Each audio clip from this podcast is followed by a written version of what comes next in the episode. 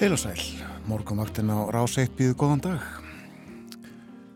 Upperunin mánudagurinn 10. júli. Og umsjónamenn þáttarins í dag Björn Þór Sigbjörnsson og vera illu og dóttir við fylgjum ykkur til nýju í dag. Einstaklega fallegur morgun, sólinn skín og hefur gert lengi og engin skí til að tröfla, allavega ekki hér yfir Reykjavík þessa stundina. Föglarnir syngja og allt eins og það á að vera.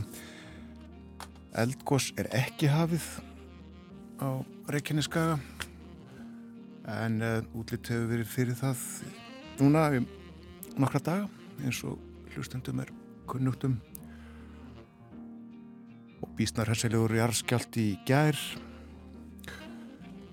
Mála ellu letið eitthvað svo liðis sterkur sá. En uh, lítið svo um sterkar skjálta í nótt samkvæmt nýjastu fréttum.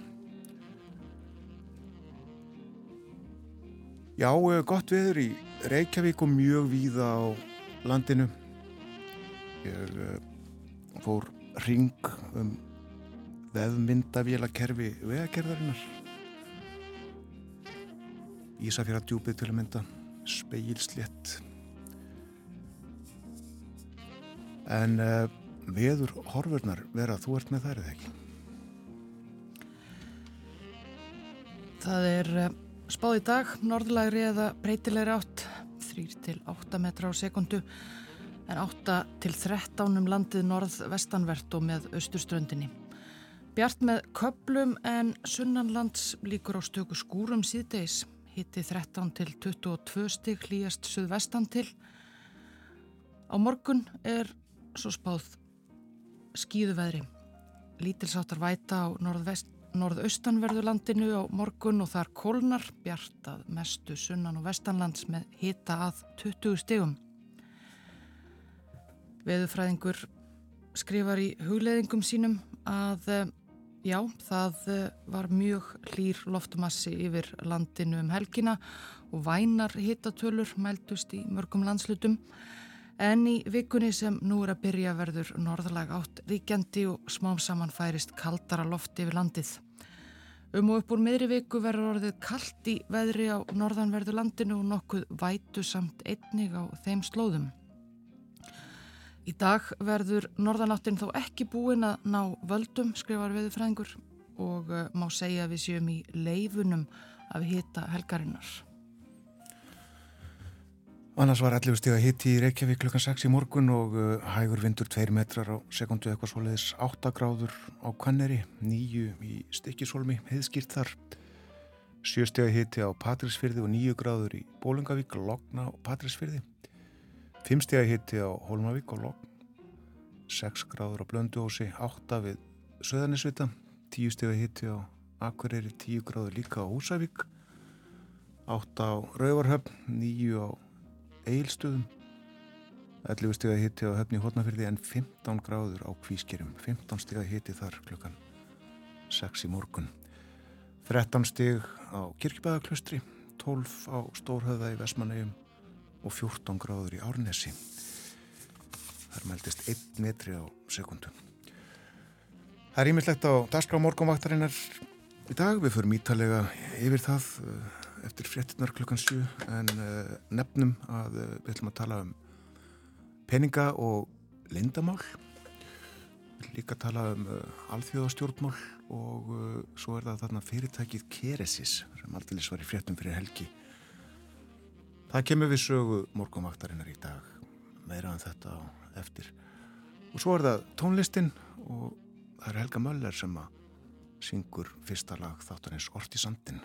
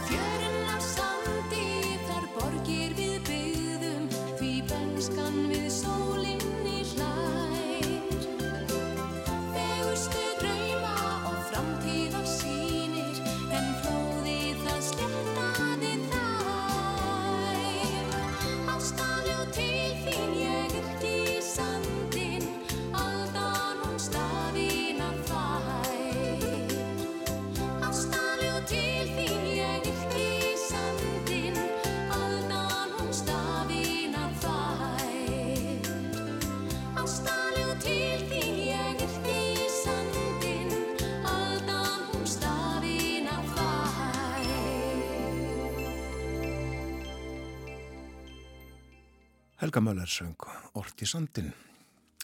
Germundur Valtísson sandi lægið, Hilmir Jóhannesson tekstan þetta kom út fyrir tæpum aldar fjórlangi. Það líður að frettum, þær kom eftir eina mínútu. Við förum ítalega yfir dagskrá tátarins eftir frettinnar, lítum í blöð, hlustum á tónlist og ymmislitt fleira. En uh, nú bregðum við okkur hér fram að kaffivilni og fáum okkur tvöfaldan espresso. Thank you.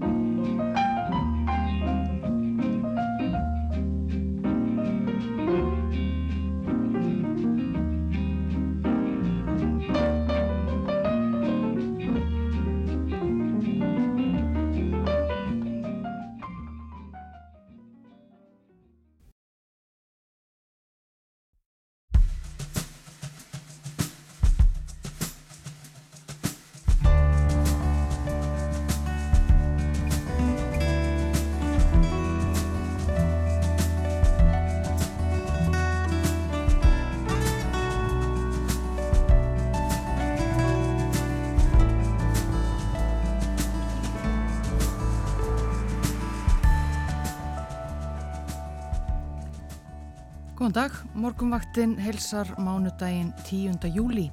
Umsjónumenn þáttarins í dag eru Björn Þór Sigbjörnsson og Vera Ílluadóttir. Og það er ímislegt á dasgrá hjá okkur og nefnum við fyrst að við ætlum að fjalla um fjármál og gagsægi. Það er oft djúft á upplýsingum þegar peningar eru annars vegar og það er jafnvel ofinberi peningar. Og fyrir kemur að þótt bundið sér í lög að tiltekið ferli eigi að vera gagsætt þá er það bara alls ekki svo. Henry Alexander Henrysson ræðir um þetta. Hann verður hér löst eftir half átta. Leituar NATO-ríkjana hittast í Vilnius á morgun. Björn Malmqvist frettamæður er komin til leitahausku höfuborgarinnar og hann segir okkur frá því sem leituarnir ætlaði að ræða. Svo er að fyrirtækið Kereðsis, það var stopnað á Ísafyrði fyrir 15 árum eða svo og selt fyrir helgi á 175 miljardar. Við leikum í dag viðtal sem við áttum hér í þættinum fyrir fáinum árum við stofnandan og forstjóran Guðmund Fertram Sigurjónsson. Hann talar þar um söguna og starfsamina. Og við nefnum líka að við ætlum í ferðalag í huganum, gerum það hér rétt á eftir, förum býstna langt í söður og vestur vera. Já, í dag er þjóðþáttíðadagur Bahama Eia, 3000 Eia klasa í vestur Indíum. Það er 50 ár í dag síðan Eiarnar fengu sjálfstæði frá Breitlandi og eh, við forvitnumst örlítið um Bahama Eiar og eh, leikum dálitla tónlist þaðan.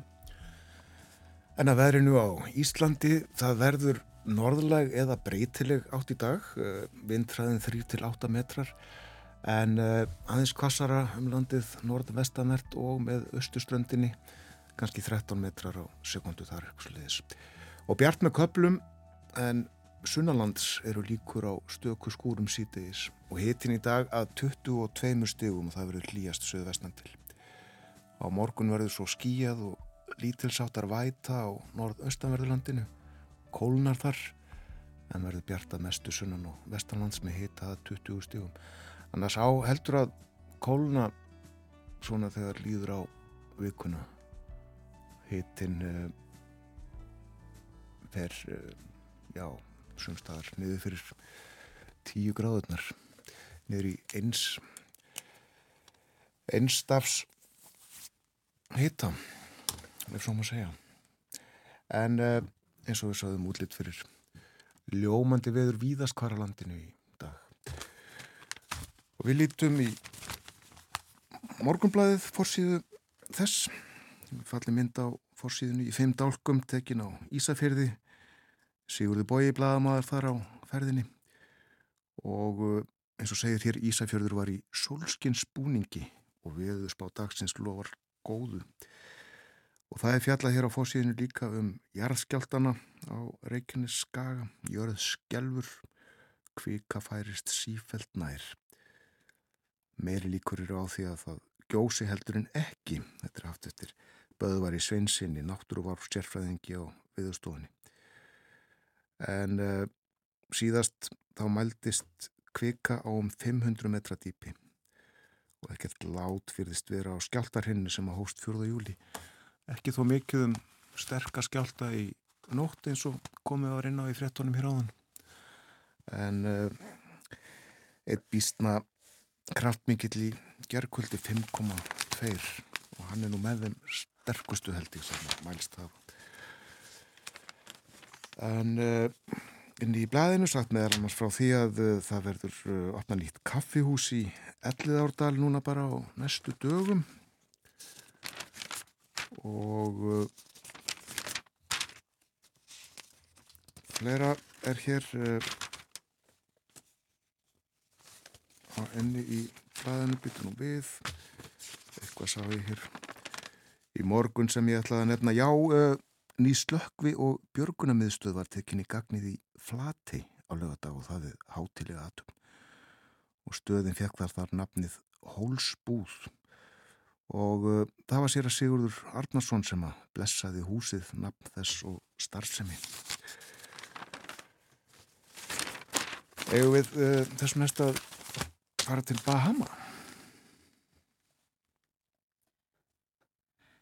Það skulum við gera. Eins og við nefndum hérna áðan þá er þjóðhættíðadagur Bahama eiga í dag og ekki nómið það það þeir halda upp á 50 ára af sjálfstæði í dag, það var 10. júli 1973 sem að Bahama eigar eh, hlutu sjálfstæði frá brettum eigarnar höfðu þá verið eh, bresk nýlenda í eh, aldir frá árinu 1718 og eh, við skulum byrja á því að heyra eitt lag frá Bahama-eigum áðurum við forvittnumst frekar um þessar eigar það er eitt þekktasti tónlistamæður eigana Ronny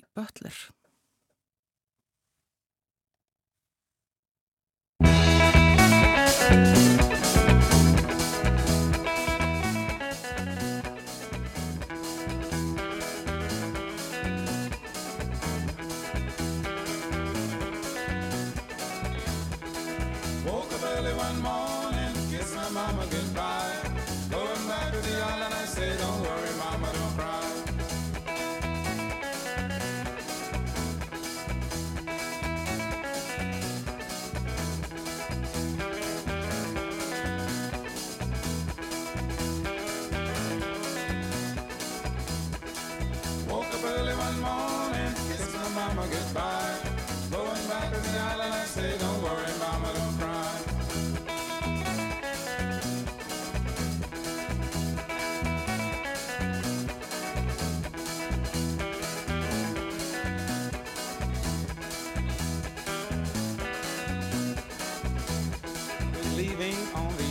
I sure hope she's still able.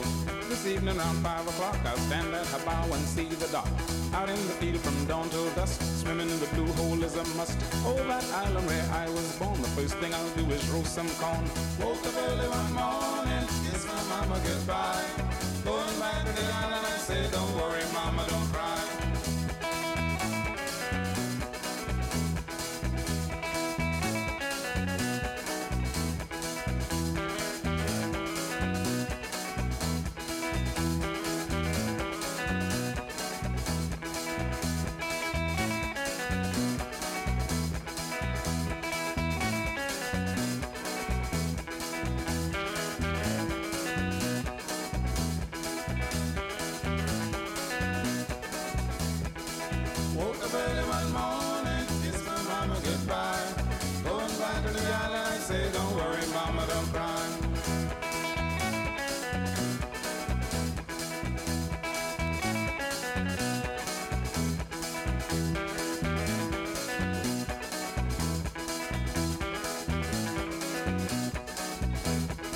Cooking outside in me iron pot. Though young when I learned, I haven't forgot how to catch them black rabbits they walking. Old folks smoking pipe and talking. Saturday night they're gonna dance and sway, shake my belly and do the gumby. Oh my people, don't you understand? I live like a king and be a happy man. Woke up early one morning, kiss my mama goodbye.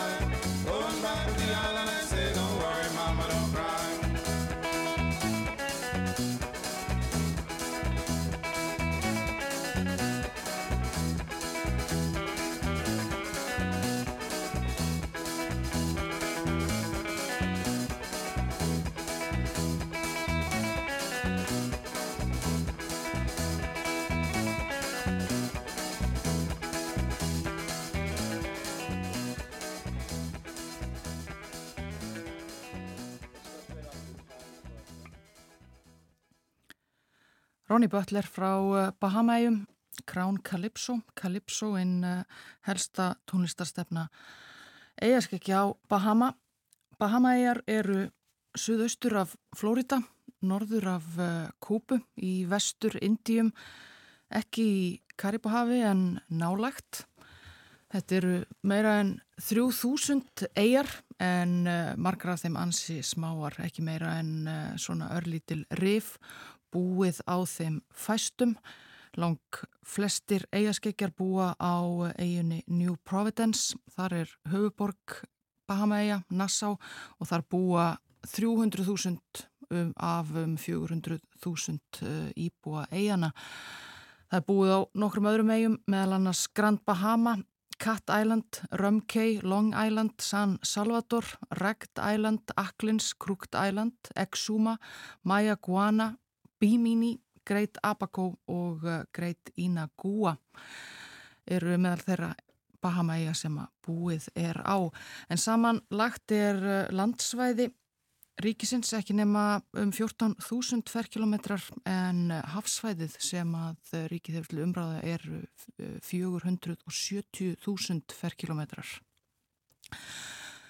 Á einni af þessum eigum, San Salvador, þar er talið að Kristófer Kolumbus hafi fyrst lent þegar hann sildi til nýja heimsins 1492.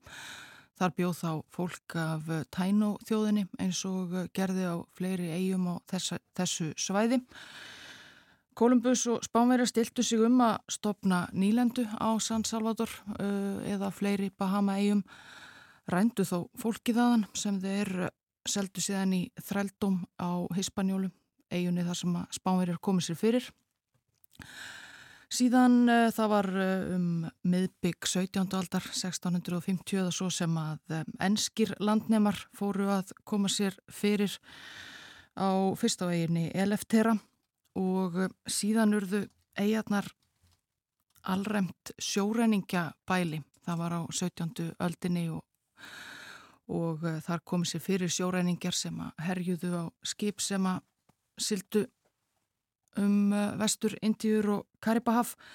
En allræmdi svart skekkur Blackbeard var meðal þeirra sjóræningja sem að hafði viðkomu á Bahama-eigum og þessi, sjó, þessi sjóræningja ógn varð svo mikil að mati breskra yfirvalda að brettar lögðu eigurnar alfarð undir sig, það var árið 1718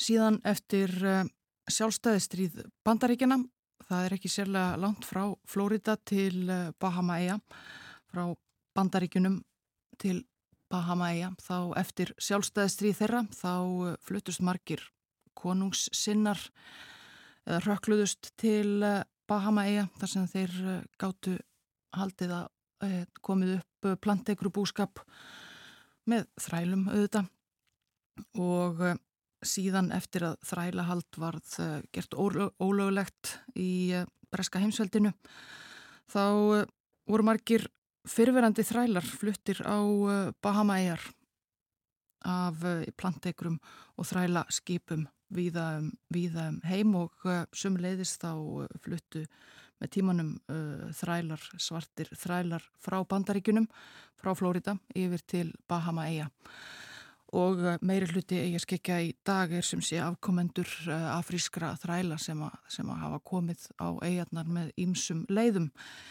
En sem sé, eigarnar fengu svo sjálfstæði frá brettum loksins 1973, eh, 10. júli sem að það gekk í gegn, eru í dag sjálfstætt ríki í breska samveldinu með Karl III sem sinn aðstað þjóðhengja þó að þarna uh, ríki landstjóri uh, í hans nafni og svona brest stjórnarfar að öðru leiti og eigarnar eru eitt af auðugustu ríkjum í já, Ameríku álfunum ef að litið er sérstaklega til, til höfðatölu það er ekki síst vegna þess að jú, Bahama eru, eru svona kannski samnefnari fyrir sól og strandlíf hjá mörgum og ferða þjónusta þeirra langstæsti atvinnuvegur. Þarna flikist eh, fólk eh, mjög skaplegt veðurfar og eh, fallegar strendur. En eh, þeir eru líka svo litið í fjármála þjónustu eins og fleiri eh, lítil eiríki á, á þessum slóðum bjóða upp á bjóða upp á skúfufyrirtæki held ég og eru mikið í því að sömulegðis að skrá skip sem að ekki mörg skip eru skráð á Bahama-eigum sem að ekki kannski hafa þar oft uh, við dvöl. En þetta var örlítið af Bahama-eigum tilöfni þjóðatíðadagsins. Og má búast við að verði líf og fjörð þar í dag? Uh, já og uh, fínasta veður það er spáð 32 stiga hita í Nassá, höfuborginni. Sól og, já, örlítið skíjað. Mið nóttins veðar þarna eða þá. En við skulum heyra eitt lag en eitt uh, Calypso lag til viðbótar, örlítið eldra en það sem við heyrðum hér áðan. Uh, það er annar af þekktustu Calypso tónlistamönnum bahamískrar sögu sem að kallaður er Blind Blake.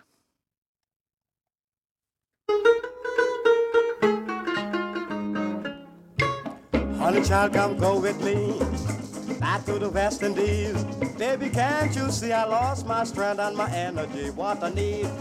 Coconut water, jelly, gin and coconut water. Gin and coconut water, can I get it in America? What's the tonic, man? Coconut, jelly. Ah, it's a builder. Can I get it in America? I remember when I was young, I was healthy and very strong. But now I'm feeble and weak. My knees keep a knocking when I walk the street. What I need?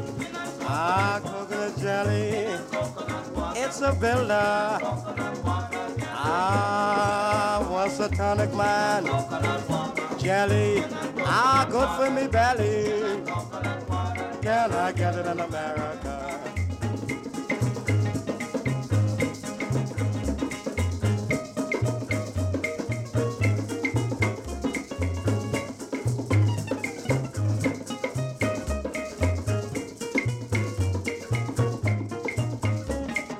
Medical Santa, what you think? Now the doctor said me have to drink. He said, take this advice from me, Holy Lee, go back to the West Indies. What I need? Ah, jelly. It's a villa. Ah, what's the tonic man? Coconut jelly. Ah, my little Nelly. Can I get it in America? Now me family will glad to see me go back to the West Indies. Family will glad to see me climb the tree like an old monkey. I eat gin and coconut water, jelly, ah, fella. Ah, what's the tonic man? Jelly, good for me belly. Can I get it in America?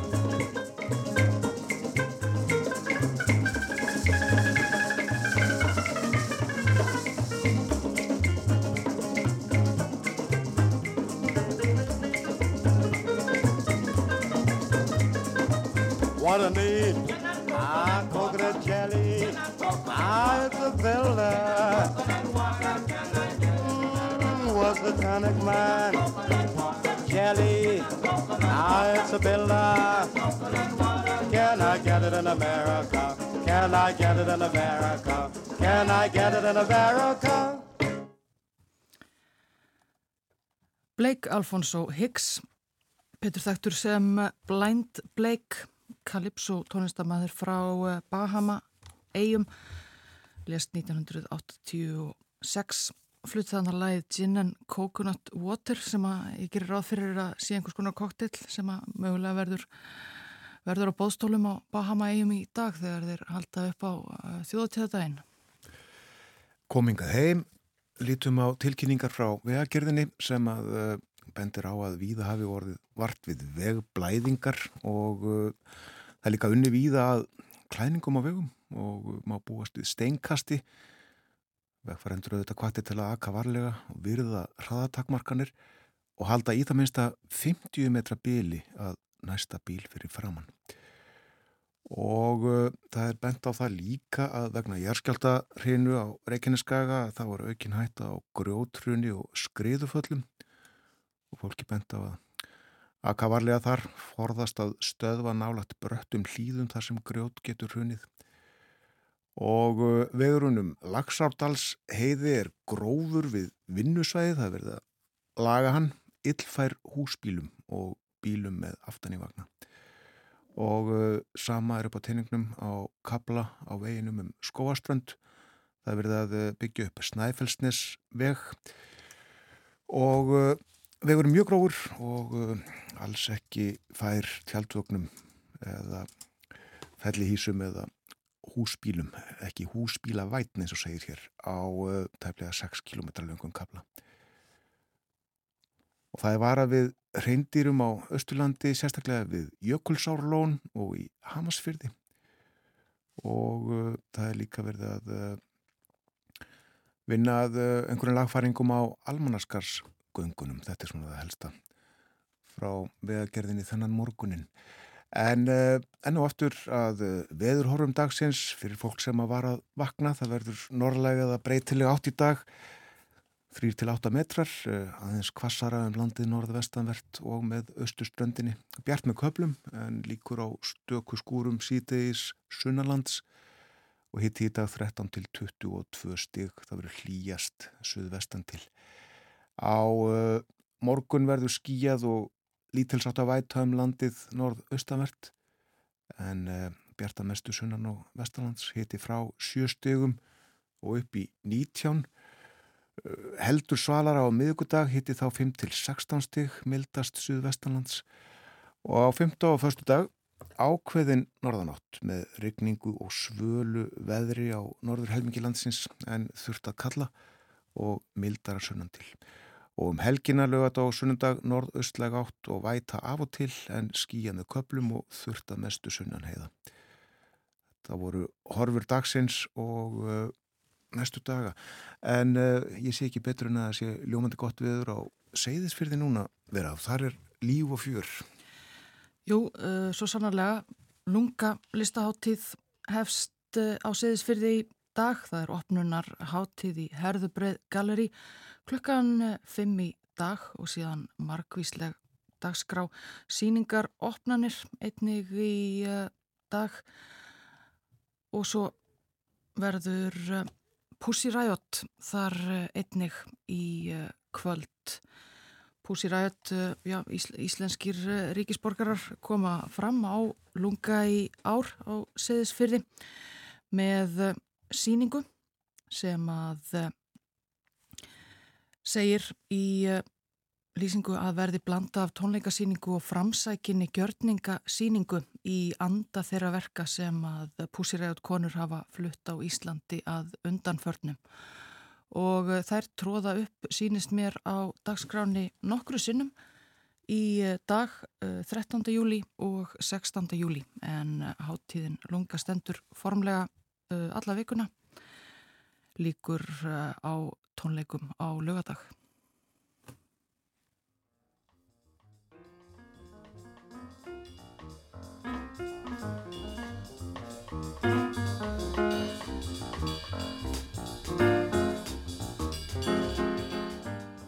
Framöndan er frettæðilegt hjá okkur hér á morgunvaktinni eftir það verður Henry Alexander Henriksson hjá okkur. Við ætlum að tala um eh, fjármál og gagsægi eða fjármál og lindamál.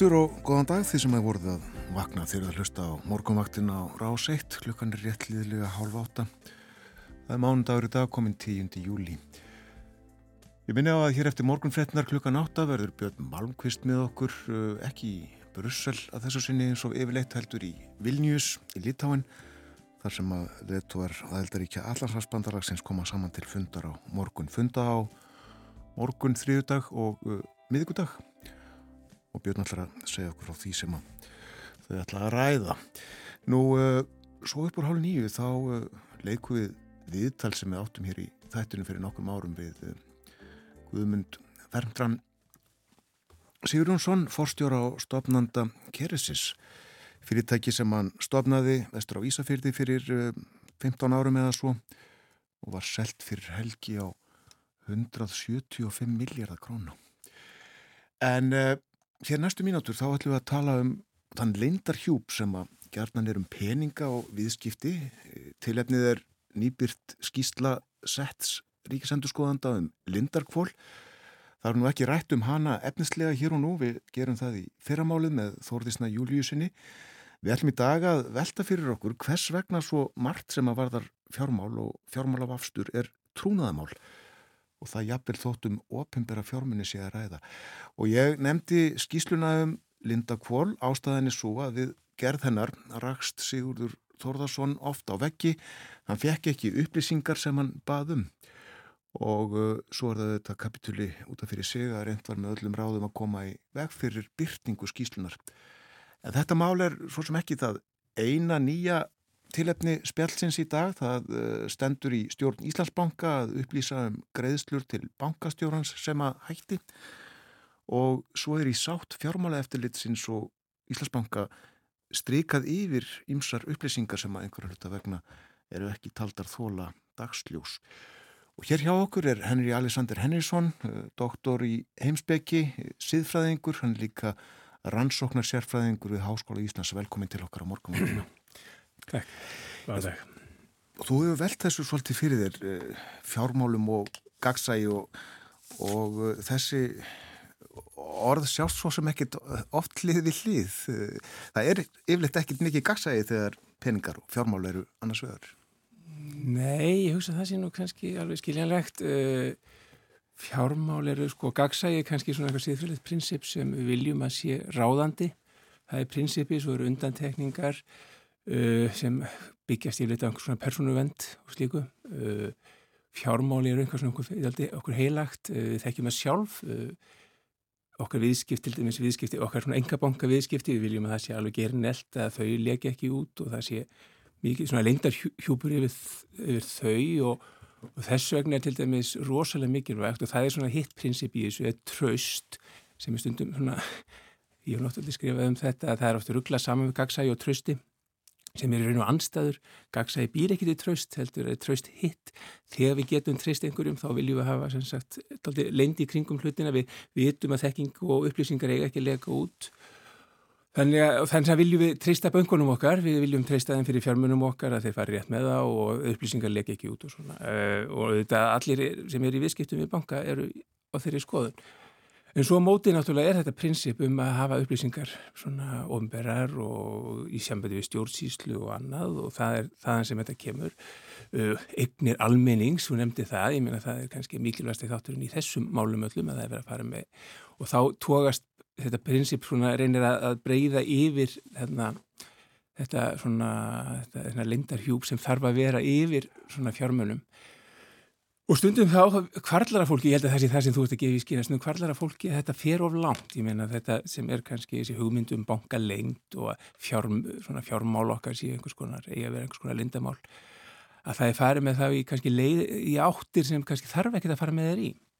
Og kannski sérstaklega núna út af því að þegar við getum ekki treyst, við getum ekki treyst stjórnvöldum, það er vantrauðskakast til dæmis bankastjórnum, uh, nefnir, það er til dæmis dæmi sem búið mikið ræða undarfæri, til dæmis ákveður er ekki byrti starfslokarsamningar, bankastjórn segir að það sé ekki tímabært eða það þurfi ekki að gera það en það er náttúrulega, kemur einhvern svona skringilega út fyrir almenning, við mun koma út setna, við erum, við erum í tímabili vantraust, ákveður ekki að byrti þetta strax? Það er þessi hluti sem gerast og ég held að kannski það sem við erum að ræða í samt, núna þessa dagana er það að fólk hefur þessa tilfinningu sem er aldrei góð í samfélagi að það gildi kannski eitt fyrir aðra, ég meina almenningur hefur kannski ekki þessa tilfinningu að, að, að, að það sé verið að halda upplýsingum um það lindum, menna það er svona prinsipir opið og upplýsingar eru gefnar, gagsægir þetta mikilvæga prinsip og það er alltaf verið að byrta upplýsingar og segja við fólk nei við verðum að byrta þetta eh, bara nútíma, í nútíma samfélagi. Þá eru svona upplýsingar byrtar og stundum er það óþægilegt fyrir fólk og það verður bara mjög svegt og finnst það óþægilegt og til dæmis upplýsingar um hvernig ákvæðanir eru teknar og annað og vildu kannski hafa sömt leint og annað ekki en það er bara sagt við verðum að byrta þetta allt saman. Já. Svo koma svona mál eins og þú ert að nefna sem bara okkur, okkur finnst eins og eitthvað annað við gilda Já. Og þá kemur þetta svona þessi, þessi svona, svona jafnræðis hugsun og okkur finnst þetta ósangjant afhverjur þessar upplýsingar ekki byrtar og þá köllum við aldrei eftir rökum ástæðin fyrir afhverjur þetta tekið út fyrir svega. Og ég, ég, þú hafi kallað á mig í viðtal í daga því að það hefur kannski vantat aldrei upp á umræðinu undarfærið að þessi útskýrt hvers vegna þetta er mikið sagt, neða þetta er bara svona og, og við tókum þessa ákverðun en það, stundum væri líka gott að það er þess að umræð, umræðanir tekin aðeins lengur, það væri meira fyrirsvar. Býtu, þess, þetta verður að fara lengt og, og ég held að fyrir svona alveg almanna borgar þá er þetta alltaf svona, við skiljum ekki alveg býtu, hvers vegna þarf þetta að fara lengt? Er verið að fel eitthvað, spyrjum við líka? Mm, Já, það er náttúrulega bara líkur hlutur hans eðli að ef einhvað er ekki haft ofinbert og spurningum er ekki svara þá er verið að fjalla einhvað. En auðvitað er þetta eins og með annað það geta verið mögulega ástæður fyrir því. E, það, það eru geta verið alveg ástæður hversan við þurfum að hafa einhvað lengt og, og við erum sem betur fyrir samfélag líka með öfluga persónuvendalögjöf og, og við viljum hafa svona persónuvend öfluga í samfélaginu. Þannig auðvitað, en það verður þá að útskýra fyrir okkur hversjón er þetta ekki byrt og, og mér finnst alltaf best að bara eiginlega ræða og við þurfum að gera það og temja okkur það að, að ræða bara hvert dæmi fyrir sig. Þetta eru mismunandi ástæði fyrir hversjón einhvað er ekki byrt og skoða hvers, hvaða ástæður fólk gefur fyrir því að vilja ekki byrtu upplýsingar því auðvitað er náttúrulega, eins og ég segi, búin að segja prinsipið er að hafa þetta ofnbært og, og stundum er sagt lindin virðist vera falin í því að, að þú ætlar að íti þessu undan geima, þú veist þetta mun koma út við töluðum um starfslokasamningarna þeir munu koma út, hversin ekki bara byrt þetta strax þegar samfélagið er að kalla á það? Uh, hvað, hvað er þú þetta vinnaði tíma, ég meina hver er hver er, hver er hvað, hef, hvað hefst upp úr því að fresti þessu, það er það sem ég skil ekki. Einmitt. og þú uh, nefnir einmitt uh, uh, að útskýra gjörðir að vantar oftur aukstunning Já, það er þetta sko, þetta er svona það er þetta fyrirsvar í ofnbyrju lífi svona sem kannski ennsku kallast svona accountability sem þetta fyrirsvar sem er svona gríðarlega og við vitum að það er svo gríðarlega mikilvægt mikilvægt þáttur, það er ekkert sem eflir tröst meira, byggir upp tröst í samfélaginu, heldur en það fólk er tilbúið að svara fyrir ákvarðanir sínar færa rauk fyrir hvers vegna það valdi að gera þetta frekar en hitt. Og það er ekkert sem eigðir tröst í að mikið eins og við þekkjum, þegar fólk svona reynir að fjör undan í flæmingi, vill ekki svara þessu uh, er þetta aldrei svona, kemur útskýringar sem við getum bara að kalla af því bara útskýringar. Uh, þetta var bara ákvörðun sem við tókum. Uh, ég bara verða, þekkir þetta? Ég mun bara bera ábyrða þessu, ég mun standa og falla með þessu. En svo stendur fólk okkur tvellu með þessu. Það er engin ábyrð þarna að lokum, þannig að það er þetta sem er svona búin að vera á mörgum samfélögum. Sko orði gagsægi er oft notað og, og Það má segja að því fylgi fögur fyrirheit en svo kemur stundum á daginn að það er ekkit gagsægi og, og þetta er bara eitthvað út í lótti en gagsægi þetta er ákveðin aðferðafræði er það ekki? Jú, svona í viðum skilningi þá er þetta svona eins og ég kalla þetta bara prinsip. Uh, þetta er eitthvað svona megin viðmið sem þurfum að hafa í hug og sko skortur á gagsægi við vitum hvað það skadar samfélag það líkur alveg fyrir.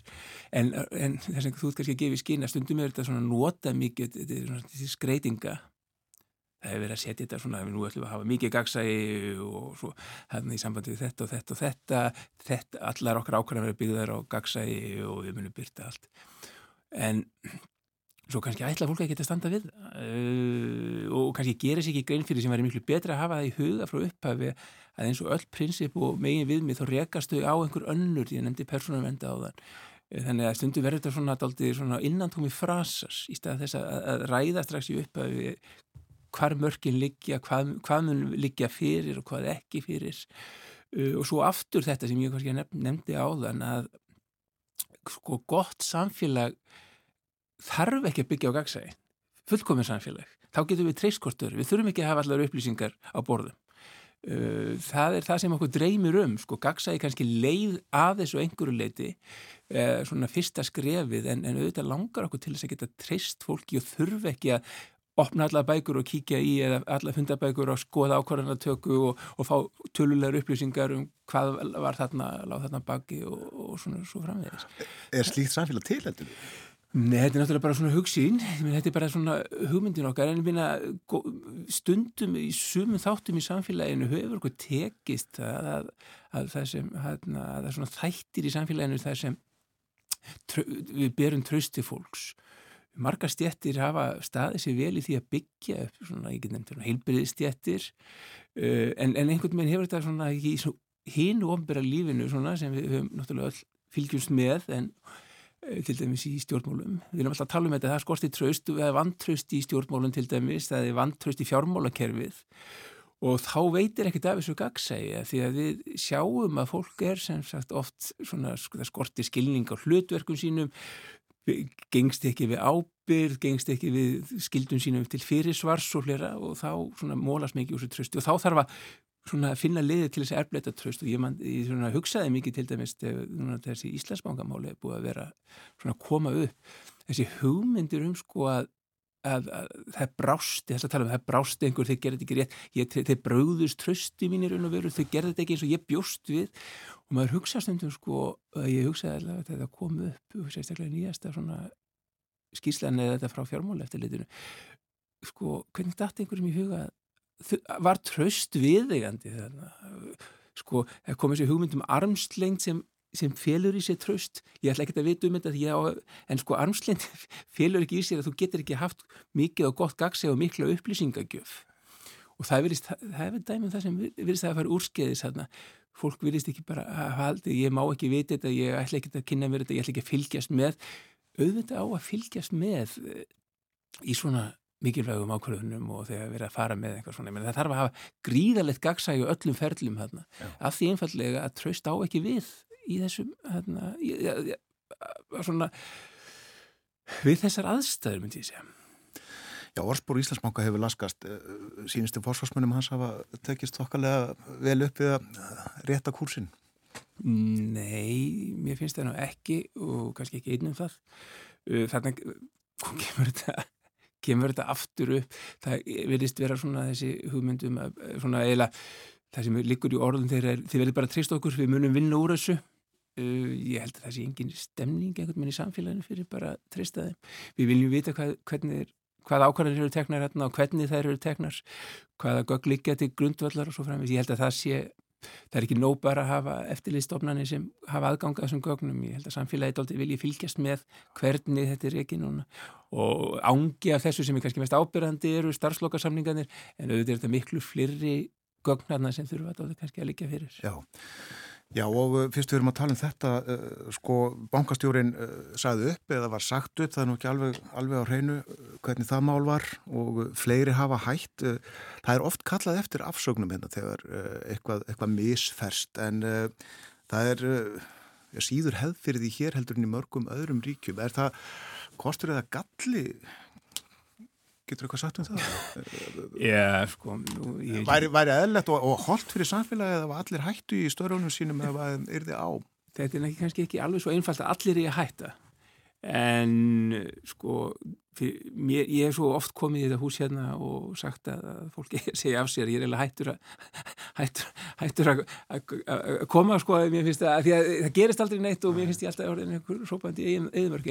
Sko, það er ekki ástæðu lausur, þú segir, Víða eru kannski afsagnir eða sagt fólk láti sæta ábyrð miklu algengara og svona kannski fyrirsjáanleira og það, það, er, það er ekki bara einhvers konar siðfyrirli prinsipin á bakvið í þeim skilningi að fólk, eh, þú hefur sér kannski rétt að gera það.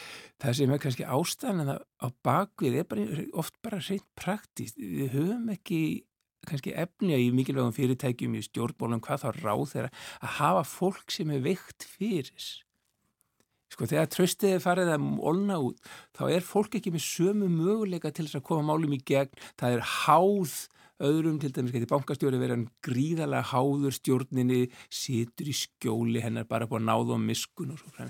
Þá ertu bara orðin svo veikur í þinni stöðu þetta þetta er bara eiginlega að þú gerir ekkit gagn, getur við sagt. Og þetta til dæmis, eh, sem við talaði eins og Norðurlöndunum segja ráð þeirra af sér að því að, og þá látið eins og því Norðurlöndu sé bara svo frábæri eitthvað, en, en þetta er bara þessi skilningur á oft, ég held að þetta sé miklu hökar ástæðan, oft á Norðurlöndum að ráð þeirra látið fara, að því það er ekkert að dánlast með einhverju ráð þeirra inn í ríkistjótt sem er bara, er veikur fyrir, það er bara samfélagi á það ekki skil. Já, þeir uh, hætta eða eru látnir hætta Eh, jábel þó að, að sko undimenni eða, eða fórstuðið með stofnana hafi gert einhver mistök eh, sem að ráðrætni samt áttu enga aðeldað en þetta skadar þá. Já, þetta er svona þessi ábyrða keði ef þú situr í þessum stöðum þú þarft ekki að hafa verið á gólfiru þrákunan tegna en ef þú ert í til dæmis bankarstjóri sem er gríðarlega mikilvægt staða uh, hefur verið ábyrgur í, fyrir starfseminna á ákveðan ákveðan tíanbili þá berð þú ábyrð og auðvitað náttúrulega er sem sagt endar ábyrðakeðan yfirleitt að mestuleiti í stjórninni. Og við höfum svona kannski lítið, mér finnst að lítið rætt í sambandi í Íslandsmákamáli hver ábyrð stjórnar í raun og veru er. Uh, bara, bara verið hafa stoppað hjá fyrirvændi bankastjóra. Og, og ég held að það veri alveg þessi virði aðeins að skoða það og ræða það hver var ábyrð stjórnar hérna, í raun og veruð auðvitað veit ég að þeir voru ekki með ábyrði skilningi hlutverks, þeir höfðu ekki hlutverk í þessu ferli en, en ábyrðin samt liggur þar. Og, og það getur stundum líka verið þegar verið að láta fólk fara þá getur það verið þægileg leið til þess að rjúfa ábyrðakeðin og segja já ég er búin að hefna, losa miðilega undan ábyrðinni því að hún er bara keðjan í rofin. En við þurfum að halda þess áfram og sjá hvert, hvert í raun, hvar í raun og veru endin á þessari ábyrðakeðju liggur. Já, og eitt enn með þetta eh, fyrir liggur þessi sáttaskísla fjármála eftirlitsins og Íslandsbanka og svo útættur ríkisendurskoðunar en uh, það er kallað af sömum eftir uh, allsherja rannsóknumálunu uh, sínist þér þörf á því og er almennt þörf á svona ítalegri rannsóknum á málum eða, eða hlutum sem að fara úskýðir sinni í samfélaginu? Já, þá erum við náttúrulega komin að upphæflugu spurningur sem við vorum að byrja, byrja um að ræða. Að rannsóknir eru oft eina leiðin til þess að tryggja gagsægi gagvart almenningi. Það er að fá almeinlega skýrslur út, minna eins og núna verður fjármál eftir litið náttúrulega að þú, maður finnur alveg hvernig mál breytast við að upplýsingar koma fram. Þráttur að sé einhver yfirstryganir og svona í þessu, það breytast. Og nú hefur eftir að fá kannski eh, líklega þrjár í viðbót skýrslur um aðra sölu aðeila, ég þarf að lofa ykkur því að það verður nákvæmlega sama svona, sami órói í samfélaginu við hverja skýrslu sem kemur. Og ég hugsa að krafan um einhvers konar rannsóknar nefndið einhvers konar almeinlega rannsóknarskýrslu sem fyrir málið í heild mun alltaf eblast við hvert sko það, það, það skýrsla ríksendurskoðuna sem kom fyrst hún, hún, hún, hún slögt enga elda skýsla, nýjasta hérna, skýsla fjármáleftilitsins uh, slögt enga elda. Uh, þeir hefði blásið í glæðuna við hverja skýslu þannig ég held að almenningu muni krefast þess að að loku muni allar upplýsingar líka upp á borðu Þetta er lokaórðin í þessu spjalli. Þakkaði fyrir að vera með okkur á borgumvaktinni í dag Henri Alexander Hennísson Takk fyrir mig. Talum uh, gagsægi og fjármál. Og uh, Við minnum á að frétnar kom eftir tímyndur, klukkunum vantar sem sagt tímyndur í átta, Björn Malmqvist verður með okkur eftir fréttir talar frá Vilnius, en uh, ég held að þessi komið tími á að hlusta svolítinn djass hér á í þættir mý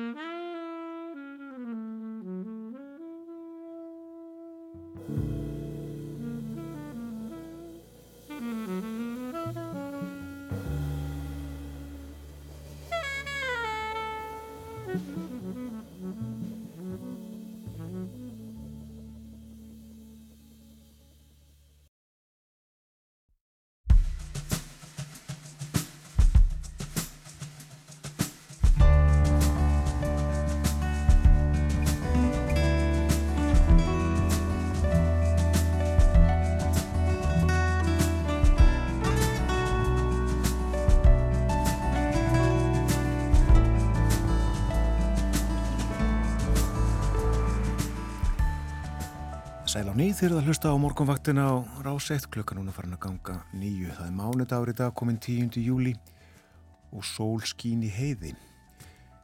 Víðanland, sínist mér.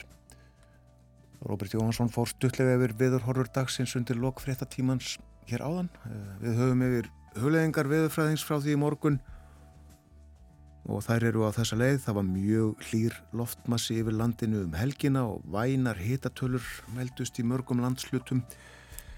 En í vikunni sem nú er að byrja verður norðlega átt ríkjandi og smám saman færist kaldara loft yfir landið um og upp úr miðri vikunni. Verður orðið kallt í veðri á norðanverðu landinu og nokkuð vætu samt einni á þeim slóðum.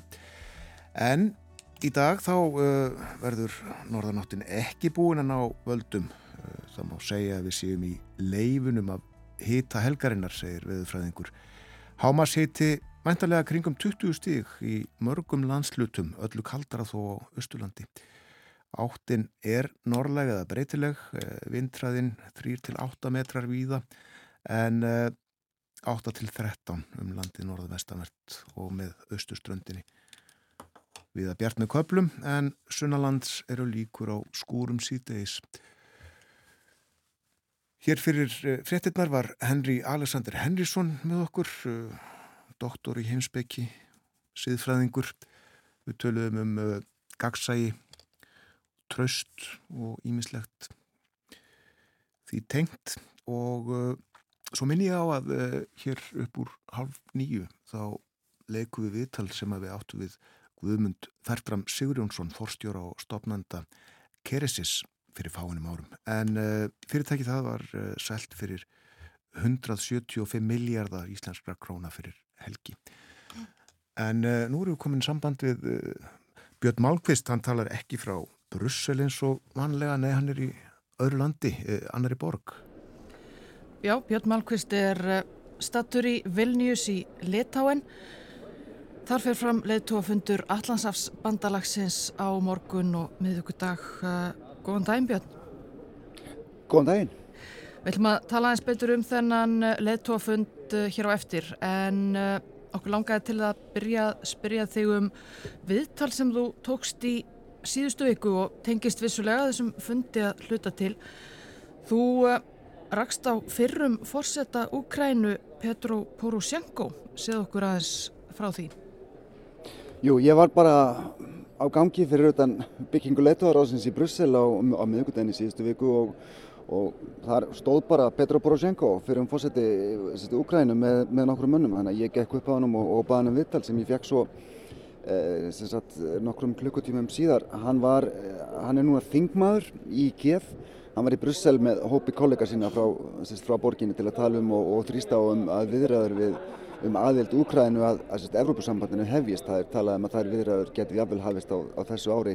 Nú, sérst, Poroshenko var fósetti frá 2014 til 2019 í Úkrænu. Hann var kjörinn eftir Maidan-byltinguna, snemma ást 2014 en tapaði svo í kostningunum 2019 fyrir Volodymyr Zelenski. Hann er, eh, sagt, Poroshenko er núna formaður eins af stærstu flokkonum í stjórnarnanstöðinni í Úkrænu og hann var reyndar leittói í stjórnarnanstöðinni í februari fyrra þegar, þegar þessi innrás rúsa hófst.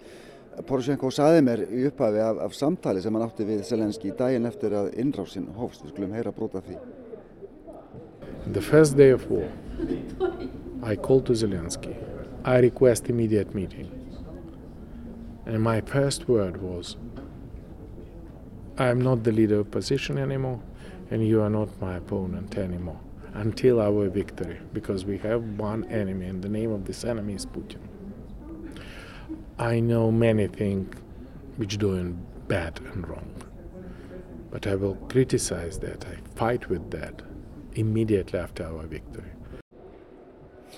Já, hann sagðist sem, sem hafa talað við Selenski daginn eftir að Innarsson hófst og sagt bara nú eru við ekki lengur óvinnir, politískir óvinnir, nú eru við, eru við samherjar, við eigum samheilar óvinn og hann er Putin. Ég get gaggrínt margt sem þú ert að gera en ég ætla að sleppa eða þanga til að við erum búin að vinna sigur, sagði Poroshenko. Einmitt, þú nefndir að hann hefði verið þannig í Brussel að þrýsta um, um aðild Úkrænað Evrópusambandinu og já, hann er vantarlega á sömu línu og Selenski þá, hvað var þar mögulega aðild Úkrænað NATO líka? Jú, algjörlega og það er náttúrulega svona almenn afstafa í Úkrænu að, að menn þrýsta mjög á þar og almenningur um, um, um að, um að Úkræna gangi í, í NATO sem fyrst. Poroshenko kannski gengur aðeins lengra heldur en núverandi fósiti en það kannski getur leift sér að verandi í stjórnaranstöðu og þingmaður. Ég baða hann um stutt svar við spurningunum um hvað Úkrænumenn vilja frá leitugum NATO hérna í Vilnius á, á morgun og miðugudagin og það stóð ekki á svörum hjá honum. Invitation for Ukraine for future membership. A little bit long answer.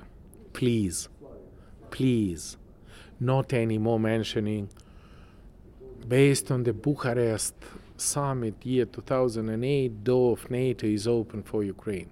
This is not true. Mm-hmm. And don't speak like that with Ukrainian. We are now in that situation. If, if door is open, let us in. If you are not letting us in, please stay to the whole world. Door for Ukraine is closed. That would be at least fair. Mm-hmm. Tilturlega afdrátt svona laus orð Poroshenkos í síðustu viku við mig í Brussel. Uh, sko hann er að vísa hann í Búkarest yfirlýsinguna það var yfirlýsing leitt og uh, sem sagt allarsafsbandalansins í Búkarest 2008 um að, um að Úkræn og reyndar Georgia líka myndu einhver tíman verða uh, sagt, aðeinar að bandalæginu Poroshenko vill bara já eða nei og ekkert, ekkert meira um það að segja. Og þessi aðaldamál verða til umfjöldnari það ekki í Vilnius á morgun og miðugudaginn og Selenski Ukrænufósiti uh, mun uh, vera í borginni? Jú, hann er vantanlegur hingað til Vilnius, hann kemur, eh, sagt, eh, gerir ráð fyrir á miðvíkudaginn, þá verður þessist fyrsti fundur eh, NATO-Úkrænu ráðsins sem var nýlega sett á lækirna til þess að auka politísk tengslmiðli aðeituríkja NATO og Úkrænu. Selenski kemur auðvitað hingað með ákveðnar kröfur um að leittóðarnir gangi lengra heldur en gert var í Búkarest og gefi út einhvers konar svona konkrétt tíma áallinu um, um, um aðild og sérstu Úkrænu að, að NATO. Það er allsendis óvist að þau gerir það og það er endur að tala frekar óleiklegt og það var nú einmitt verið að vittna í Joe Biden bandaríkjafórsetta í fréttum okkar eh, klukkan átta um að, um að eh, hann sagði að Ókræna var ekki tilbúin, eh, þetta var ekki tímabært að ræða þetta fyrir eftir að átökunum og einsist innrás rúsa væri lokið og, og sérst sígur hefði unnist. Sko það eru skipta skoðanir innan NATO um þetta mál, ríkin á Östurvæng bandalagsins, til dæmis Baltinesku ríkin og Póland, Breitland og Frakland eru tilturlega mjög áfram um að gefa út einhvers konar skuldbindandi yfirlýsingu um aðildar viðræður og aðild Úkrænu en bandaríkinn, Þískaland og fleiri eru hikandi við svona skuldbindingar. Eh, sko en á hinbóin þá er líka mjög ákveðin krafa innan NATO eh, og sérst, bæði inn og við og líka sérst, út á við um að, um að rúsum sé áfram sínt að það sé nánast fullkominn samstafa innan NATO um, um stöðning við Úkrænu þótt að kannski uh, það sé greiningamunur um sérst, hvernig sá stöðningur sé formaður. Þannig að það má búast við því að leituðarinn hérna fallist á langtíma skuldbindingar um hernaðalega aðstóð. Það hefur verið rætt um svona álíka mótel eins og bandarækjumenn hafa í rauninni í mörg, mörg ár sko, stundagakvart Ísrael uh, um sérst, búnað, um skotfæri, um þjálfun og og líka talað um að þegar það kemur að aðeldi verið úkrænumanna við NATO þá þurfi Úkræna ekki að fara í gegnum svipaða aðlögun eins og, aðrir, eins og aðrar aðeldi þjóður hafa gert. Þannig að, þannig að ég held að Selenski fái ekki allt sem hann vil hérna í Vilnius en hann fær þó ansi mikið en það er eins og er ennþá verið að skrifa og svona, svona fín púsa þessa, þessa yfirlýsingu sem að leittóar gefa gætnan út í lok uh, svona fundar Já. og það bara verður að koma í ljós hvernig hún verður. Er það tákgrænt að eh, fundurinn farir fram í Vilnius, eh, nákvæmna ríki Rúslands eða var komið að litáum að halda þennan fund? Það er komið að, að halda þennan fund, það er, er skipilagt með margar ár fyrirvara, þannig að það er, það er engin, þetta er ekki, ekki ákvörðin sem var tekinn bara á síðustu mánu, Nei. alls ekki. Tölum aðeins um uh, svíja sem að uh, hafa sótt að fasta komast í allarshalsbandalæðið og uh, fylgja þar með fótspór finna. Jú. Uh, hvernig það er? Standa Tyrkir enni vegi fyrir aðild uh, svíþjóður? Já, það er bara svo einfalt. Þeir gera það ennþá. Uh, þeir hafa gert mikla kröfugakast svíjum um, út af því að það eru mjög margir kurdar sem að búa í Svíþjóð sem að Tyrkir eru ekki sáttir við. Erdogan er mjög uppsvíðað við kurda og og það hefur líka farið í, í töðunar á tyrklastum stjórnvöldum að, að, að, að sko sænski yfirvöld hafa verið, hafa jafnvel verið að leifa uh, mótmæla aðgerið þar sem að kóraninn hefur verið brendur og það hefur náttúrulega farið mjög í skapið á, á Erdogan og, og fólki í Tyrklandi. Sko Erdogan fórsetið Tyrklands er að koma hingað að sjálfsögðu, hann, ég meina Tyrklandi er í NATO. Úlf Kristesson fórsetið sá þegar Svíþjóðar kemur líka hérna og þeir ætla að hittast hérna í Vilnius í dag klukkan 5 að staðatíma uh, á fundi með Jens Stoltenberg, frangvartastjóra NATO.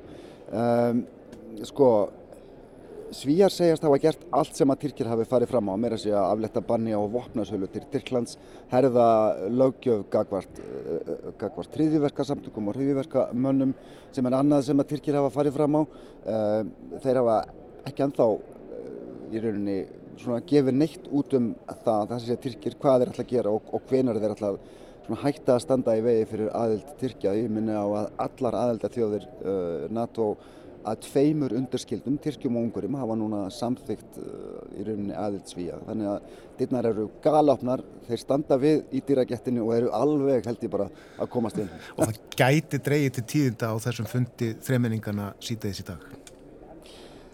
Ég veit það ekki alveg. Það ég held að þetta sé svona síðasta tilröðin Stoltenbergs til þess að tryggja það að einhvers konar yfirlýsing verði gefin út á þessum fundi um að Erdogan segi bara já, við ætlum að gera þetta næstir að þingið kemur saman og, og þá, þú veist, það, þú veist, þá fylgja ungverjar með af því að ungverjar er bara svona með einhverja stæla eins og vennilega, ef að svo má segja. Uh, Erdogan hittir endar Biden líka, Joe Biden bandaríkjafósita út af nákvæmlega þessu máli. Mér skilst að sáfundur eigi að fara fram bara núna eftir, eftir fund þeirra Kristiðsson og, og Erdogans. Uh, það má búast við því að Biden setja áfram pressu á Erdogan að samþykja svíja. Kanski gerist það á fundunum hérna í Vilnius að það verður gefin eins sko út svona önnur pólitísk yfirlýsing eins og var gefin út á leitu á fundunum í fyrra. En sko svíja verða formlega ekki aðilar að NATO fyrir að sagt, þingin í Ungverjalandi og Tyrklandi eru búin að samþykja það og það gerist vantilega ekki fyrir þá vantilega setna í sumar eða í höst en það gerist á endanum heldur. Björn, þú komst til Vilnius í gær, það er vantilega mikill uh, viðbúnaður í borginni, vona á öllum þessum uh, leðtóm, mikið gert til að tryggja öryggi þeirra. Og Vilnius rétt hjá landamærunum að uh, Belarus. Jú, það er rétt. Það eru 33 kílometrar að landamærunum við Belarus. Ég gerði það engað í gær. Uh, við vorum með litla frétt í, í sjónvarpinni gerum um, um, um öryggisviðbúnaðin þannig að ég rendi þann út eftir með legubýrstur sem var svolítið tögurklæður að fara á hann en þetta var nú allt í lagi. Við, við bara töluðum við við laurglumenn sem voru þarna. Og þetta var allt í góðu. Sko það er, það er auki landamæra eftir liti á flugvöldunum þegar ég kom ekki aðeir það er búið að koma fyrir Patriot eldvarnaflögum á, á flugvöldunum svona kannski ekki, menn, ekki það að menn séu að búast við árás á Vilnius en það er svona verið að bara svona, svona gefa til kynna að menn séu við öllu búnir. Það er mikil öryggiskesla í borginni, fólk hefur verið hvað til að taka sér frí, það er frítt í allar almelingssamgöngur þannig að það er, það er mikið svona sem að stendur til hér og mikið gert til þess að tryggja öryggi leðtóna og allra annara sem að sem að sækja þennan fund. Já, byrju Patriot eldflögavarnakerfi eru er, er þá uh, sko flugskeiti á flugvöldinum?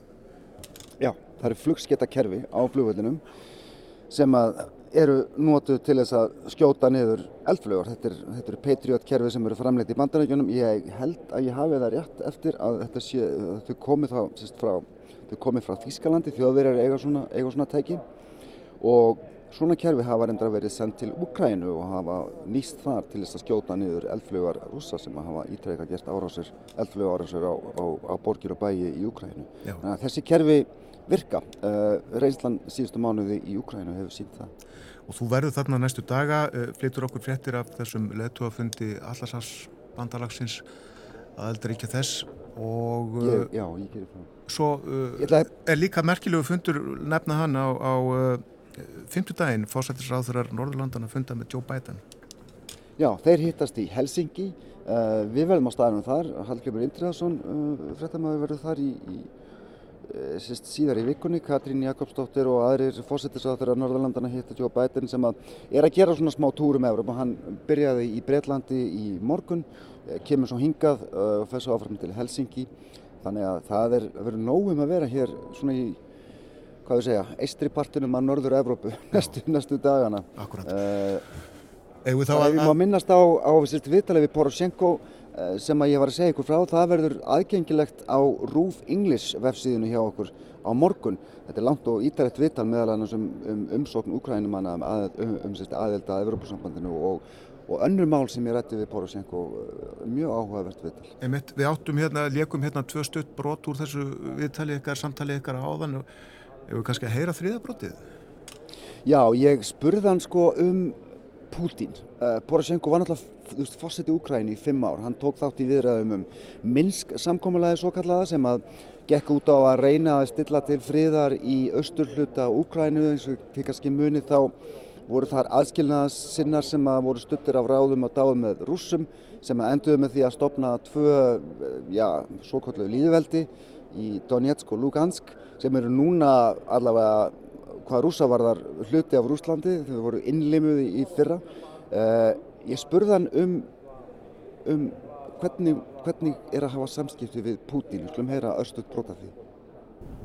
Putin understand only one language and this is not Russian not Danish not German even not Ukrainian.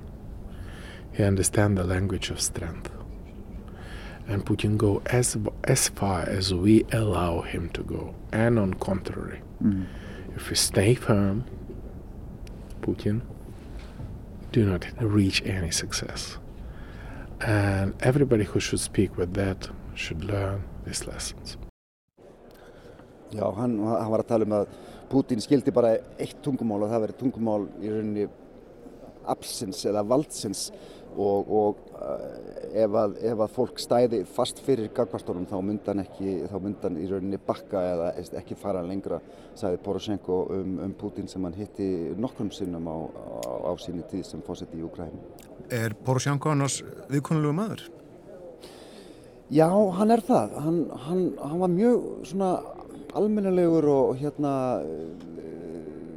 viðræðu góður. Ég var í mitt, ég þurfti að fara í beina í útarpinu rétt aður hann ég hérna, hitt hann í Európaþinginu og þannig að ég þurfti að beða hann að býða örstuðt að stund en það var ekkert mál, hann bara settist niður og fór að spjalla við einhvern og beði eftir mér og það var mjög almennilegt.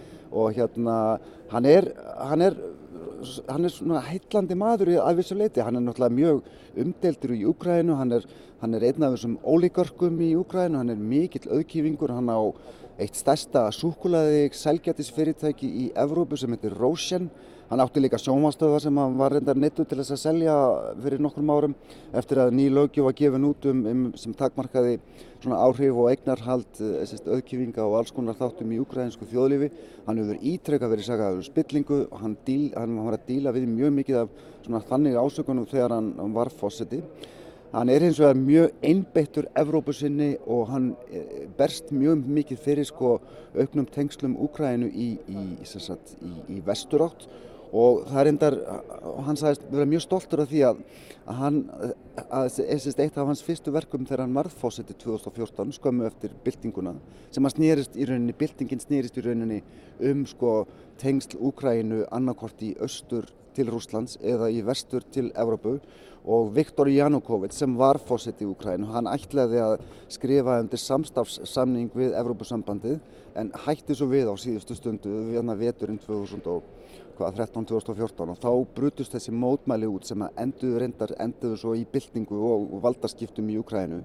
Eitt af því fyrsta sem að Poroshenko gerði þegar hann var fósetti var að skrifa einmitt undir þennan samstarfsamning við Evrópusambandi og flokkurinn sem hann leiður núna eh, á þinginu í Ukrænu, hann gengur að öllu leiti út á aðild Ukrænu að Evrópusambandinu og aukinn tengsli vesturótt. Þannig að hann er mikill hann er alveg heill og sannur í því uh, alveg sama hvað, hvað má segja um, um sagt, viðskiptamál hans og alls konar ásakanar um spillingu og allt það. Þannig að ég held að veist, ég trú hann alveg þegar hann, sko, þegar hann talar um það allavega.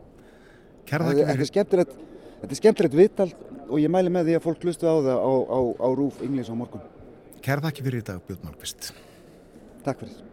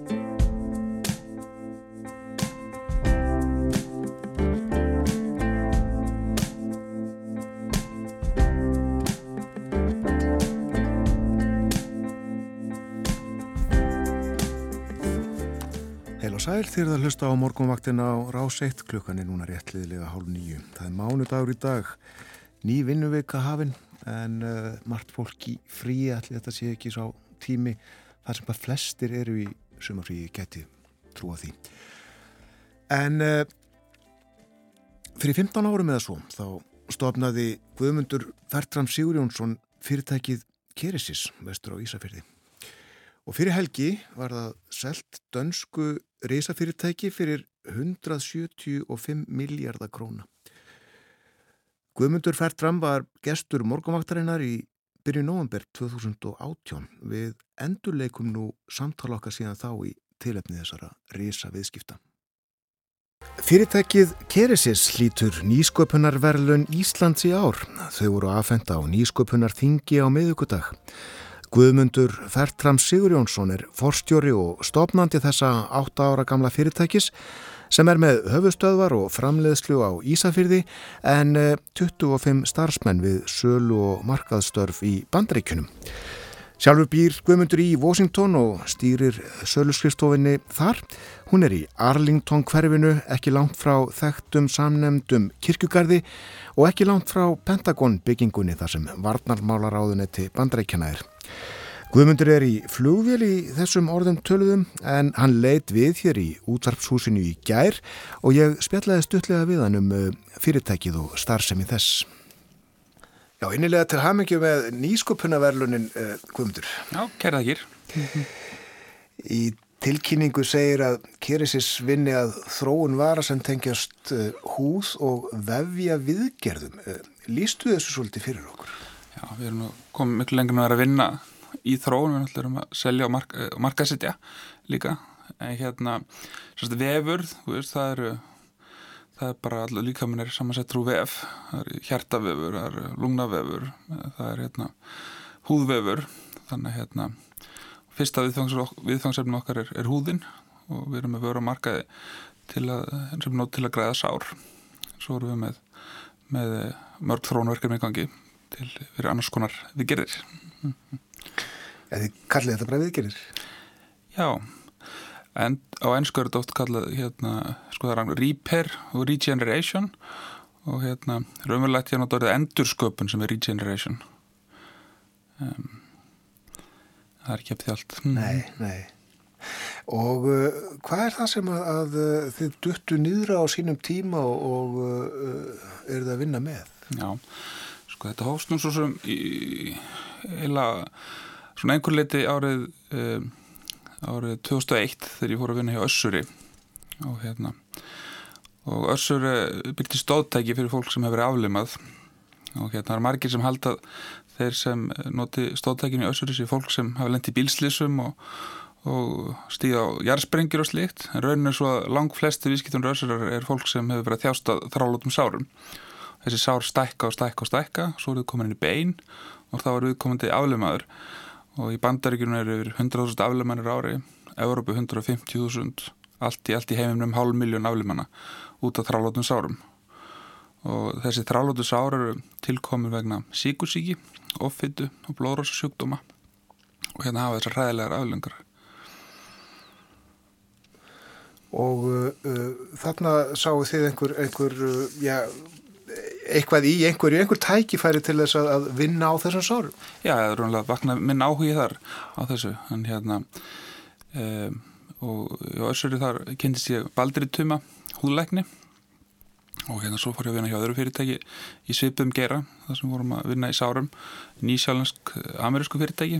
Og þar kynntist ég Hilmar í Kjartansin í Bráðalegni og svo þar ég kom aftur til Íslands árið 2008 að þá hérna uh, var hugum minn eh, í, í þessum geira en þá þetta er alveg ræðilegt vandamál eins og ég sagði, hálf miljón manns í heiminum sem, sem eru aflemið út þessum sárum. Og hérna en þessi sáru eru þannig tilkomin að fólk er með síkusíki það er einna hverjum þremur til dæmis Ísland í dag sem er greindur með síkusíki eða ógreindur. 6% af eh, öllum þeim sem greinast með síkusíki þeir fá þessi sár hluta þessum sárum er síðan hægt að græða uh, með sárumbóðum. Uh, sárum verða til þann að, að háræðarnar í fótunum deyja í kjölfarsíkusíkinar, þá deyja taugarnar og, og þá missir viðkomandi snetti tilfinninguna. Og svo kemur steinval í skóin eða, eða viðkomandi rekur sér í opn og þá kemur líli hrubla á fótinn. Þessi hrubla stækkar síðan og stækkar og, og, og verður að, að, að sári þessi sárur meðhandlu með sárumbúðum. Um, ef það gengur ekki þá er oft grifið til þess að taka, hár, taka hérna, húð af mjöðminni og leggja honni í sárið. Um, oft dettur húðin bara af, hún tekur ekki. Og þá er sjúklingurinn engur betur settur þá er hann komið nýtt sára mjöðmina og, og, og sárið neðra á löppinni er, er alveg stórt áður. Og um, þessi hugmyndar að, að nota þorskróð í staðin fyrir þessa húð á mjöðminni vakna síðan hann einhvern tíman árið 2009-2010 og hérna þá leita ég til Baldurstöma og Hilmars og, og nokkra annar sem ég hafði unni með áður. Baldins Bjarnar er lögfræðings og mann sem heitir Ernst Kenny sem er engalega lögfræðingur og svo er efnafræðingur.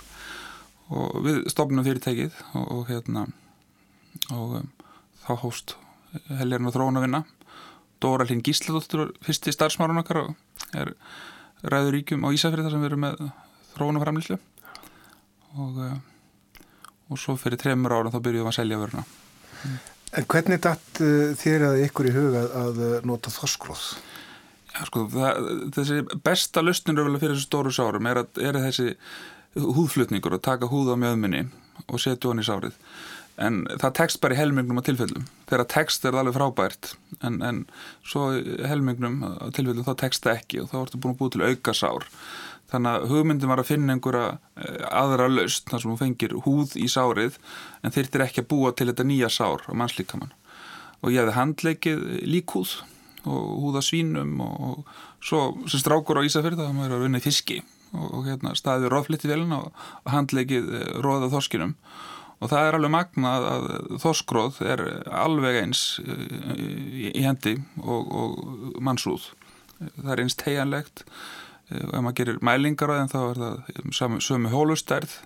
Það er sama efnafræðilega samsetningin. Það er sama rafleðni og, og bara ótrúlega líkt mannsúð þó að séu 200 miljón ár í þrónarsögunni á milli manns og fiska. Þannig að þessi hugund var þetta bara einhvern veginn kviknað svona hægt rólega þannig að orðan 2008-2009 Já, og hvað sástu fyrir þér þá að geta gert með þetta? Sko það eru, eru eins og ég segi ég var að leita einhverju lausn þarna. Ég hafði áhugað sem geira að búa, búa til, til einhverja nýra, nýtt lækningar úr fyrir allt þetta fólk út um allan heim sem þjáast að þessum sárum. Og, og 6% af þeim endar svo í aflumun Eh, sem hefur gríðilega ræðilega aflengar á líf þeirra. Það er, hérna, það er fimm ára lífslíkur fólk sem er aflegað með svipað og maður með brist, brist, hérna, brískrabba þannig að hérna ég raunverulega var ég að leita löst og ég vissi líka Baldutum í húðleiknir og, og Hilma Kjartansson brunnu eh, fyrir því sama. Þannig að hérna uh, já það er svona þannig að því er engin svona romantísk saga á baku hvernig þetta kom til, þetta var bara einhvern veginn röð til viljana. Já. Mm og í hvernig formi er, er varan sem að þið svo uh, hafið þróað á sælið? Já, get ég sínta hérna yfir útvarpið? En, en hérna er varan. Og hérna eins og sér þá er þetta þurkaður bútur, kvítur og litin. Já.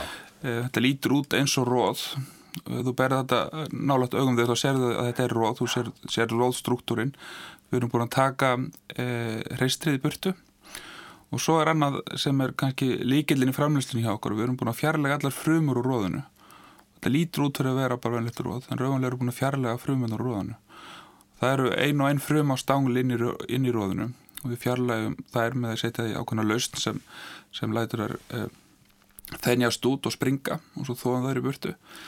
E, ef við tækjum ekki þessar e, frumur, þoskfrumur úr róðinu að þá fær maður ónæmifsviðbröð þegar efnið er lagt í sárið.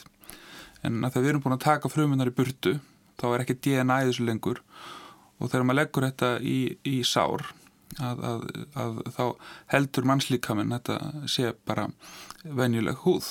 Þetta hefur sömu rafleginni þannig að taugafrumunar taugaendarnir í sárinu halda þessi komin húð og þannig að sársviki mingar það er omega 3 ólíð sem eru alls konar heilbreyðislega jákvæða virkni öll efnasamsendin í, þessu er eins og vennileg húð og, og, og þá koma frumunar úr, úr, úr sárabarmunum og, og skrýða inn í þetta efni og þar halda þessi á heimavelli og fara að skipta sér og leggja henni nýja vef Einmitt, það, uh, þetta lætur ekki lítið, mikið yfir sér, þetta er, þetta er á starfið plástur og, og lítur út eins og húð eins og segir, uh, er kvítt en er mikið fyrir þessu haft? Að búa Já. til þessa litlu einingu og, og, og pakka? Já, það er, það tók sex ár í þróunavirnu og aðal, aðal máli var að ná þessum frömum út á þess að sundra efninu við viljum hafa efnið ósundrað, við viljum hafa öll klíkaninn, öll fyturnar, öll próteas, öll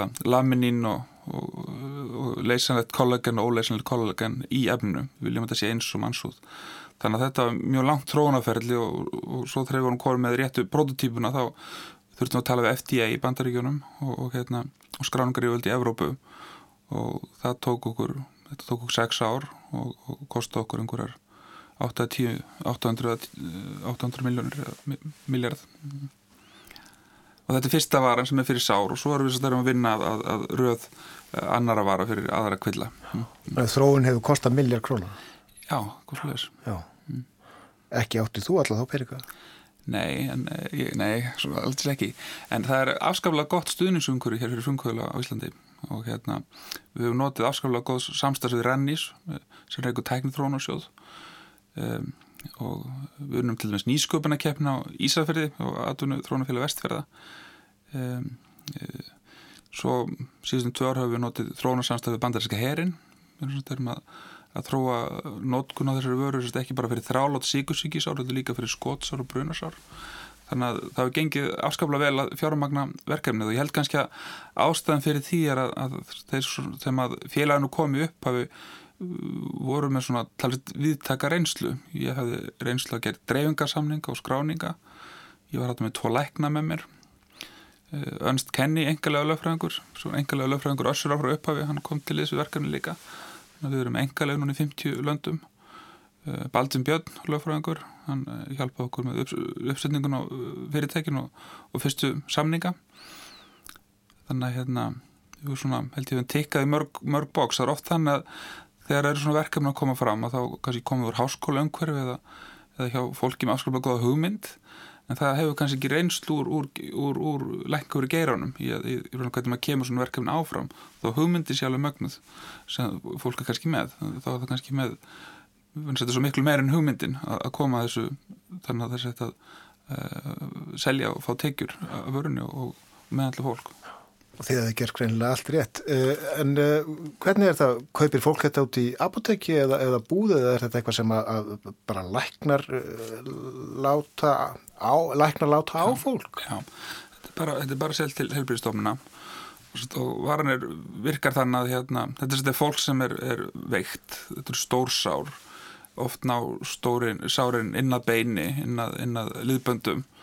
Hérna og, og eru mjög svo, stór og sérst lækririnn eh, tekur vöruna, eh, tekur hann úr, hún er döðhreinsu þannig sér umbúð, tekur hann á bleitir hennar og þá verður efni svona tegjanlegt og, og mjúkt og segjanlegt. Svo er sári hreinsað og hérna það er skorinn burt, allt all döitt hold, all döðu vefur. Og svo er um, stóðöfnið, uh, sáraróði sett ofan í, sárið. Og, um, og svo sett sára umbúð ofan á þá skrýða frumundar inn í efnið okkar og þær halda þessi í venluru húð og þær fara að skipta sér og leggja nýja vef. Efnið þorskrúðu sjálf leysist síðan upp hægt og rólega þannig eftir stendur uh, nýr vefur. Einmitt. Mm. Þetta er áhugavert. Uh, þú myndist á enga lefi hvað um eða yfir 50 löndum. Já. E, eru margir aðrir að fástu þetta saman? Nei, raunverulega er enginn, það er ekkert annað fyrirtæki í heiminum sem er, er með neina rannsóknir í gangi eða neina vöru sem er, er uh, fiskiróð þannig að við sitjum einu á þeim markaði. Um, kunstin í þessu er, er sagt, að ná frumunum út úr efninu að þess að skemma það. Vegna að ef að frumunar er í efninu þá er efnið rúnlega einskís virði vegna að þá koma ónæmisviðbröð hérna og í það fóru sex ár hjá ykkur Já, svo vildum við líka hafa þetta svona kvítt eins og það sér, þorskur er ekki kvítur, þannig að það, það tók sinn tíma. Já, mm. ég mislegt að fástu þið greinlega. Eh, höfustöðarnar og, og framlistan er á Ísafjörði ekki satt? Jú, það verður þar röpa. Eh, hvers vegna á Ísafjörði? Já, mína rætur þar og, og hérna, svo uh, kynst ég Dórulín Gísladóttur sem, uh, sem uh, ræk þar rámsnástofu sem var að vinna í gæða eftirliti fyrir rækjuvinnslu. Það var til dæla stór uh, rannstónstof Ísafriði, saman þá, ég held að það veri sex rækjuðsmjör svo bara uh, hérna fór rækjan og þessi rannstónstof stóð ónótuð og, og það voru raunlega starfsemi, svona formleg starfsemi Keresis hóst í þessi rannstónstofu þessum á Dóra hlýn skiptum hatt og, og, og úr því að verða að rækta bakterjur og skoða gæði rækju fóra hérna þróa lækingavörur. Hvað starfa margir hjá Kyrisis? Það eru um 50 það eru 12 á Ísafjörði og 12 í Reykjavík. Við erum með hérna hérna í Reykjavík vinna hjá okkur leknar og verkræðingar og lífræðingar e, og svo í bandaríkjónum í 25 og það eru lítil stjórnendahoppur í bandaríkjónum sem stjórnar sölu og en flestir af þessum 25 bandaríkjónum vinna heimann frá sér og þeir eru að vinna í sölumálum og uh, vörunar ykkar eru þær nú þegar víða notaður? Já, við erum með, sko fyrir þess að sára vöru þá erum við með núna 300 viðskiptafinni flestir í bandaríkjunum 90% tekjum fyrirtekjum skoðum frá bandaríkjunum við erum reynda líka í goða samstarfi við Alvoken og, þeir eru að selja vörun okkar í Kóru, Tæfán og Tælandi en annars er mest í fókusin hjá okkur í bandaríkjunum þar er mest síkusíki og þar er þessi sál algengust og það er líka eh, mest þróa greiðsluleiðin fyrir svona vörur. En svona var er ekki mikið virðið ef það er engin leið til að fá greitt fyrir hana. Og það er aðstæður eru að fara saman í bandaríkjunum þörfin og, og greiðsluleið. Já, já. Eh, Þú sagðir að, að Eh, um það byrju miljardi króna hafi verið varið í, í, í þróun og, og þetta mikla verkefni fram til þessa, er, er þetta þá dýrvara þessi, þessi plástur sem ég held hérna á litli? Já, þetta er ekki rétt að kasta plástur, plástur er eitthvað sem er búið til úr plasti og maður tekur á og kastar en þetta efni breytist í húð, þannig að þetta er svona frekar ígræslu efni eða slikt, Já. en meðal tekjurnar okkar fyrir einingur um 500 dólarar 50 krónur. Þannig að þetta kostar 50 skall sem ég held Já, hérna við vinnum 8 einingar úr þorski. Já þannig að hérna er, þannig að verðmætti þorsksins aukast mikið með þessari vöru. Þannig að, en, en við erum að nota þessar þorsksróð sem fellir til bara úr fiskvinnslu.